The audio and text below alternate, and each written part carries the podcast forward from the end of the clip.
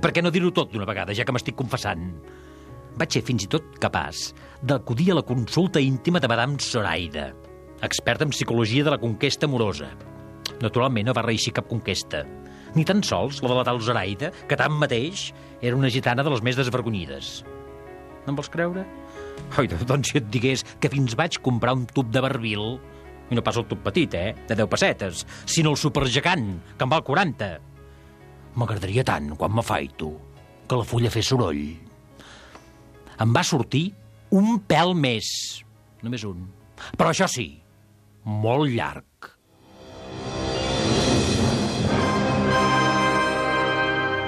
Catalunya Ràdio presenta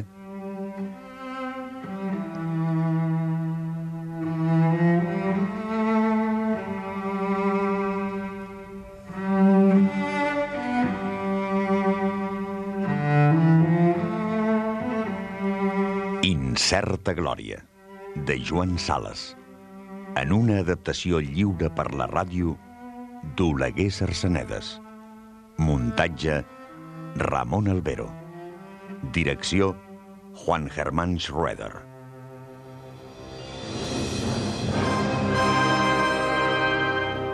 Incerta Glòria, de Joan Sales. Una producció de Catalunya Ràdio amb el suport del Departament de Cultura de la Generalitat de Catalunya. Extra, 15 artistes catalans al Palau Robert de Barcelona. Sergi Aguilar, Jordi Benito, Josep Manuel Broto, Tom Carr, Pep Duran Esteve, Gabriel, Francesc Llopis, Víctor Mira, Pere Noguera, Carles Pazos, Pere Jaume, Jaume Plensa, Riera i Aragó, Susanna Solano i Josep Uclés. Extra, 15 propostes artístiques d'intervenció en un espai. Palau Robert de Barcelona, del 22 d'abril al 24 de maig. Organitzat pel Departament de Cultura de la Generalitat de Catalunya amb el suport de Catalunya Ràdio. Catalunya. Endavant amb la cultura. Capítol 37. Ectoplasmes.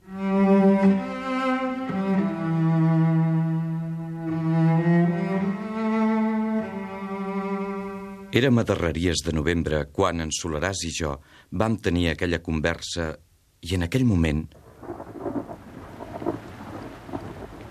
la lluerna tancava malament i entraven gotes amb les bufades d'aire fred. Ell va tornar a encendre el cigarret i vaig veure-li un instant la cara. Semblava més prim que mai. Es va passar la mà esquerra pel front i em va mirar fixament amb els seus ulls de miop, que expressaven un no sé què de sofriment que es vol amagar. Desaparegut una altra vegada a la fosca, va reprendre el soliloqui. Hi ha tants fenòmens inexplicats. Et prego que m'escoltis. Tu, precisament tu, ets una de les rares persones que ho podries entendre. Ja que, segons m'has explicat alguna vegada, havies tingut atacs de somnambulisme temps enrere. Cal que cadascú aguanti la seva tia. I pel que fa a la meva... A 12 anys, poc després que la tieta Llúcia m'hagués regalat aquell telescopi amb motiu d'unes matrícules d'honor, jo havia tingut, en efecte, un atac de sonambulisme i en Solaràs era l'únic de la brigada que jo ho havia explicat. Em va trobar passejant per la vora del terrat de la torre on vivíem a Sarrià, com si tot caminant mirés amb el telescopi, però amb els ulls clucs. Si la tieta no m'ho hagués dit, jo no ho hauria sabut mai, ja que quan un es desperta no recorda res. En el seu cau sense electricitat, lluny de l'aire i de la llum, com un faraó al fons de la seva piràmide, la meva tia s'ha fabricat un món secret pel seu ús privat. És, d'altra banda, l'únic avantatge realment envejable que tenen els rics. Aquesta possibilitat de fabricar-se'n una, de fer el que els dóna la gana, prescindint del que diran els altres. Certes nits jo sentia com unes crepitacions. Les havia sentides sempre.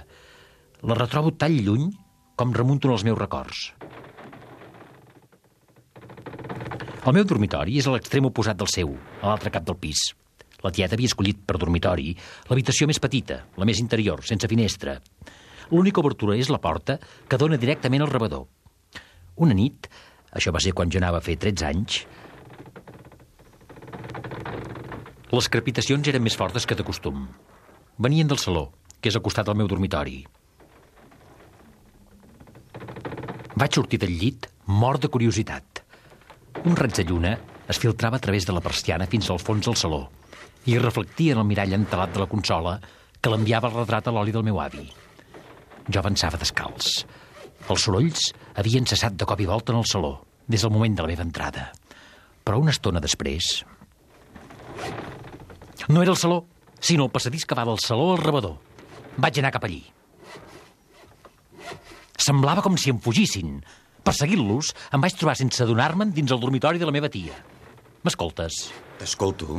És indispensable que t'expliqui tot això, Cruells. Absolutament indispensable. Normalment les meves passes, ni que jo anés descalç, haurien hagut de despertar-la, ja que té l'orella finíssima. Ja no et dic el fet d'haver obert la porta. També normalment la fosca hi hauria hagut de ser total, i malgrat tot, jo percebia com una vaga claror. Alguna cosa de blavós i d'indefinit que m'anava de no sé on, just perquè jo arribés a entreveure la seva fesomia. Tenia els ulls oberts i somreia. Del racó dels llavis hi sortia un fil d'escuma que arribava fins al coixí. Immòbil, somrient, no em veia. Dormia. I no obstant tenia els ulls oberts de bat a bat. La tauleta de cova que té al costat del llit estava com suspesa a l'aire. Només tocava a terra per una de les tres potes i es balancejava molt suau com si esbossés el primer moviment d'un vals lentíssim. Tot això, tan llarg d'explicar, només va durar un segon. Així que vaig entrar, la tauleta es va posar bruscament de peus a terra. La claror blavosa va desaparèixer. Els sorolls van cessar. M'escoltes? Sí, sí, t'escolto. L'endemà vaig tractar de parlar-n'hi, tot callant que havia entrat a la seva alcova. Només li vaig parlar d'aquells sorolls estranys, d'aquelles lluors vagues. M'escoltava amb una canyota d'incredulitat despectiva i en un cert moment es va tocar el front amb el dit. Tot això que dius són bestieses, romansos d'espiritistes. Era evident que la tieta no havia sentit res. Era evident. I tanmateix té una orella finíssima. Però que ho sabia jo, que havia de fer prodigis per escapar-me de nits. A 13 anys jo havia començat les meves escapades nocturnes. Al pis no hi havia ningú més que ella i jo a partir de les 10 del vespre, hora en què la criada se n'anava a dormir a les golfes de l'immoble. A partir de les 10 no quedàvem al pis més que la tieta i jo. I els trànsits, ja que es tractava d'això, no tenen fomis, es produïen sempre entre mitjanit i les 4. Vet aquí, doncs, que jo havia fet aquesta descoberta. Al moment dels trànsits, la tieta dormia molt més profundament que de costum. Vaig aprofitar-me d'aquesta descoberta a les meves escapades. Podia caminar pel passadís i obrir i tancar la porta del cancell, que és a poques passes del seu dormitori, sense que ella se n'adonés. Estava en trànsit. És que de debò em vols fer creure... Sí, t'ho vull fer creure perquè és l'única explicació possible. Tu has tingut atacs de somnambulisme. Saps per experiència pròpia que després d'un no se'n recorda. La meva tia, certes nits, cau durant el son en estats de trànsit, i ella ni ho sospita. Diguem, simplificant, que és mèdium sense saber-ho. Tu no sabries tampoc que ets un sonàmbul si els altres no t'ho haguessin dit. D'altra banda, el cas de la meva tia no és pas tan rar com imagines. Se n'han estudiat molts altres. Més aviat són la regla que no pas l'excepció. La majoria de mèdiums ho són sense tenir-ne consciència. Si la meva tia, tan devota, tant dels pares felipons, ho arribés a sospitar, li vindrien basques. Una vegada, de sobretaula, vaig dur astutament la conversa cap a certes experiències de metapsíquica de què aleshores es parlava i a les quals, segons es deia, havien assistit Einstein i Madame Curie en persona. Em va tallar. No em parlis mai d'aquestes coses, t'ho prego. Em fan venir uns fàstics que vomitaria. Només et diré que després d'això no podia sentir el nom d'Einstein sense tenir un espasme a l'estómac. I bé, precisament aquestes nàusees tan significatives ens posen sobre la pista. El seu malestar davant dels fenòmens de la parapsicologia és que no ve, doncs, del fet que ella mateixa n'és profundament tarada sense sospitar-ho? Ja que res no ens fa sentir tants fàstics com allò que portem ben amagat dins nostre. Ara, Cruells, pots comprendre qui sóc jo.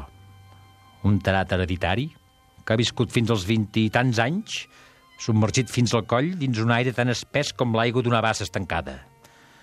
No sóc més que el nebot histèric d'una tia semiepilèptica, únic baró supervivent d'una família de tocats. Únic baró supervivent, fixa-t'hi bé. Criat i aviciat per una tia solterona, milionària i visionària. Em faig horror a mi mateix, Cruells. Els espiritistes són, en general, una boníssima gent, sense fantasia. Ja prou feliços, quan poden permetre's la innocent il·lusió de xerrar una mica amb les seves estimades ties difuntes. No hi ha res del que ells creuen. Els pobres difunts no hi fiquen el nas per res, en aquestes coses. Si fossin ells, que en seria de senzill. Però no són ells. Són éssers molt més torbadors. Som nosaltres mateixos. La nostra altra voluntat. Aquell algú altre que tots portem dins sense saber-ho.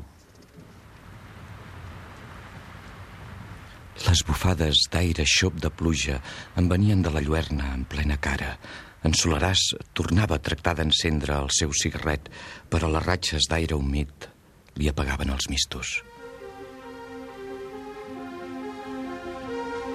Cap a aquella època, jo havia començat a empitimar-me metòdicament com algú de molt respectable.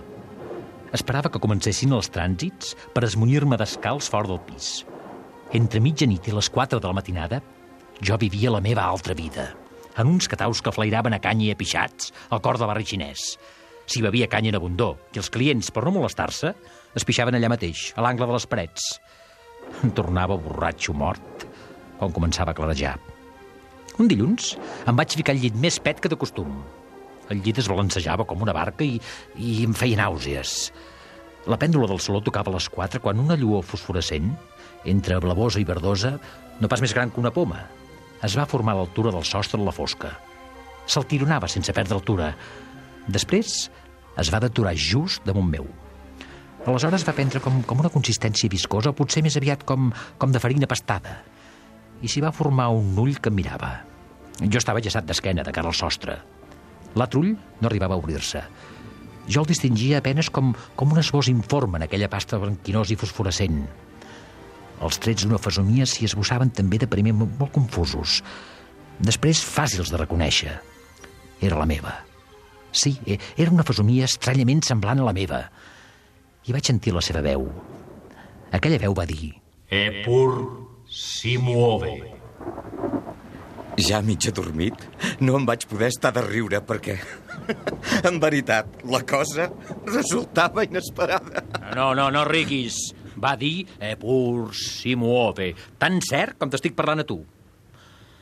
Ai, ara tu em veus ocupat a dur la comptabilitat dels cigrons que endrapeu. Però jo havia nascut per alguna cosa millor. Què hi podem fer? Tots hem nascut per conquerir l'univers i no conquerim ni una merda. L'univers és vell, però no es deixa. Com les noietes virginals. Tot ve ser sempre la mateixa història. Un ho ha provat tot. Domar aquests àngels guits, empollar geologia, forçar l'abisme viscós de la metapsíquica, redimir els esclaus... Si en seria de gloriós redimir-los. Però no es deixen. El proletariat no es deixa, probablement per les mateixes raons fosques i per tant fortíssimes que no es deixen l'univers, els ectoplasmes, les pagesetes angelicals, la geologia, la nostra impotent voracitat davant l'oceà, clavats a la platja. Ve un moment que l'home es diu, maleí de fam, que voldries més que l'univers. L'univers sencer no et saixeria. És Déu que caldria devorar. Ve un moment que l'home es diu, és Déu que vull menjar-me. I si Déu no es deixés menjar, que em faria de temps que la humanitat hauria rebentat de fam.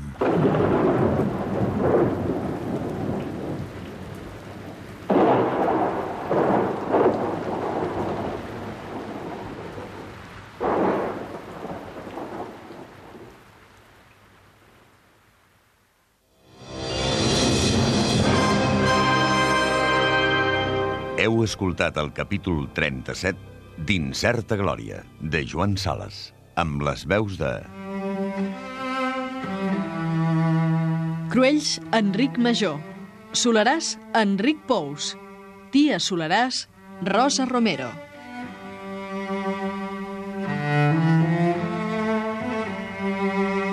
Incerta Glòria, de Joan Sales, una producció de Catalunya Ràdio.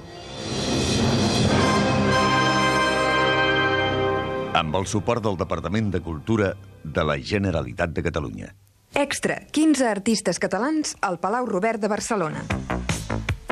Sergi Aguilar, Jordi Benito, Josep Manuel Broto, Tom Carr, Pep Duran Esteve, Gabriel, Francesc Llopis, Víctor Mira, Pere Noguera, Carles Pazos, Pere Jaume, Jaume Plensa, Riera i Aragó, Susanna Solano i Josep Uclés. Extra, 15 propostes artístiques d'intervenció en un espai. Palau Robert de Barcelona, del 22 d'abril al 24 de maig. Organitzat pel Departament de Cultura de la Generalitat de Catalunya amb el suport de Catalunya Ràdio. Catalunya. Endavant amb la cultura.